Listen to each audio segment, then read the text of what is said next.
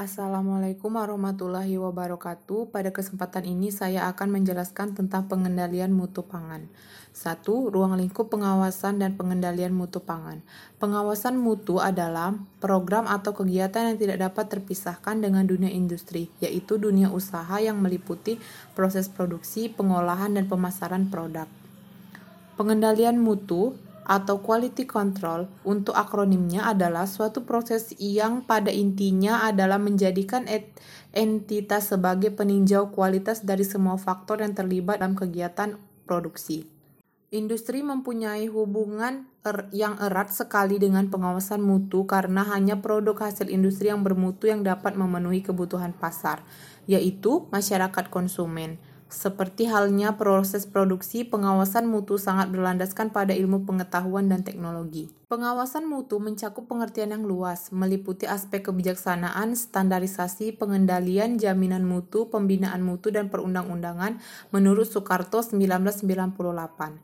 Hubes 1997 menyatakan bahwa pengendalian mutu pangan ditujukan untuk mengurangi kerusakan atau cacat pada hasil produksi berdasarkan penyebab kerusakan tersebut. Hal ini dilakukan melalui perbaikan proses produksi yang dimulai dari tahap pengembangan, perencanaan produksi, pemasaran, dan pelayanan hasil produksi dan jasa pada tingkat biaya yang efektif dan optimum untuk memuaskan konsumen dengan menerapkan standarisasi perusahaan atau industri yang baku. Tiga kegiatan yang dilakukan dalam pengendalian mutu yaitu satu penerapan standarisasi, kedua penilaian kesesuaian dengan standar, ketiga, melakukan tindak koreksi. Faktor yang mempengaruhi keragaman mutu. 1. Bibit 2. Pemeliharaan budidaya 3. Pemanenan dan penanganan pasca panen 4. Pengolahan hingga distribusi Terdapat tiga aspek yang ditekankan pada pendekatan pengendalian mutu yaitu satu unsur-unsur seperti kontrol, manajemen pekerjaan, proses-proses yang terdefinisi dan ter terkelola dengan baik, kriteria integritas dan kinerja dan identifikasi catatan. Dua, kompetensi seperti pengetahuan, keterampilan, pengalaman, dan kualifikasi. Tiga, elemen lunak seperti kepegawaian, integritas, kepercayaan, budaya, organisasi, motivasi, semangat tim, dan hubungan yang berkualitas. Metode pengendalian mutu. satu Jaminan kualitas. Metode ini mencakup kegiatan seperti pengembangan, desain, produksi, servis, dan produksi. Yang kedua, pengujian kegagalan. Metode ini mengelibatkan pengujian suatu produk sampai gagal. Metode ini dapat ditempatkan di bawah tekanan yang berbeda seperti kelembaban, getaran, suhu, dan lain. Metode ini akan memaparkan kelemahan-kelemahan produk yang dimaksud. 3. Kontrol statistik. Hampir semua perusahaan manufaktur menggunakan kontrol statistik. Proses ini melibatkan pengambilan sampel secara acak dan menguji sebagian dari output. 4.